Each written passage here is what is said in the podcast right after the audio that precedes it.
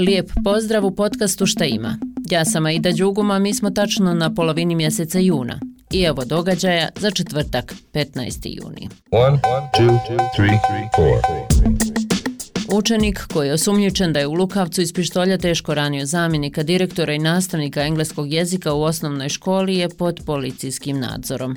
Ranjeni nastavnik životno je ugrožen, ali mu je stanje stabilnije, a otac maloljetnika je uhapšen i sumnjiči se za krivično dijelo zapuštanje ili zlostavljanje djeteta, potvrdio Admir Arnautović iz tužilaštva Tuzlanskog kantona.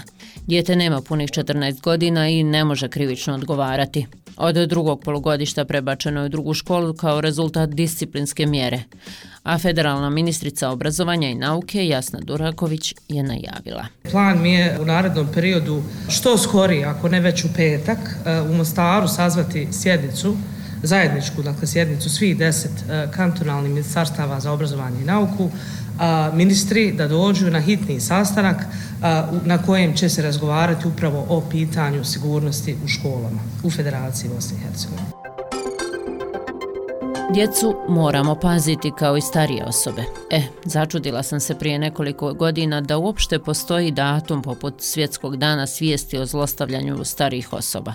Ali, nažalost, i to nam je potrebno. Da se osvijestimo da se mnoge starije osobe suočavaju sa finansijskim, emocionalnim i fizičkim zlostavljanjem. Zlostavljanje starijih je jedno od najmanje istraženih vrsta nasilja i ne obrađuje se u nacionalnim akcionim planovima. Prema podacima Svjetske zdravstvene organizacije, populacije otprilike jedna od šest osoba starijih od 60 godina doživjelo je neki oblik zlostavljanja u zajednici tokom 2021. godine. Svaka druga osoba u svijetu je protivnik starih sugrađana.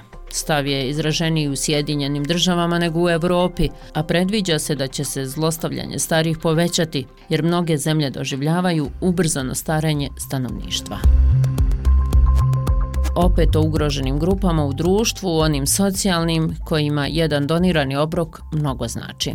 Naime, zasjeda Državni dom naroda, koji bi poput predstavničkog trebalo da razmatra dopunu zakona o PDV-u po hitnom postupku.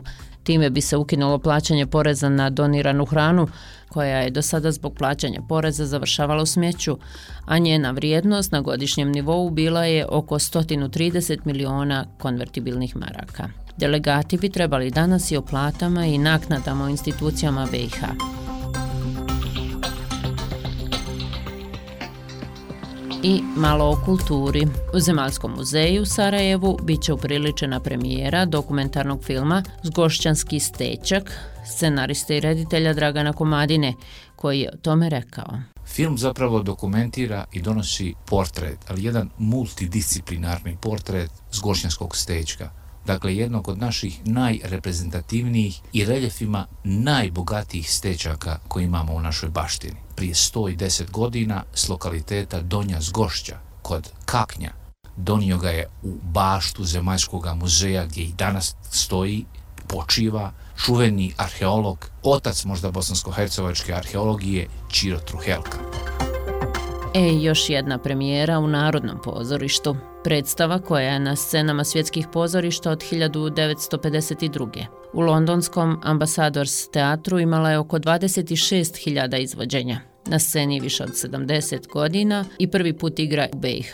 Riječ je o detektivskoj drami Mišolovka Agate Kristi. Reditelj Branko Vekić. Najbolje je da reditelj što manje kaže da se ne izlanemo, jer Agata Kristi je takva da i njeno pisanje tako da, da je jako bitno sačuvati tajnu.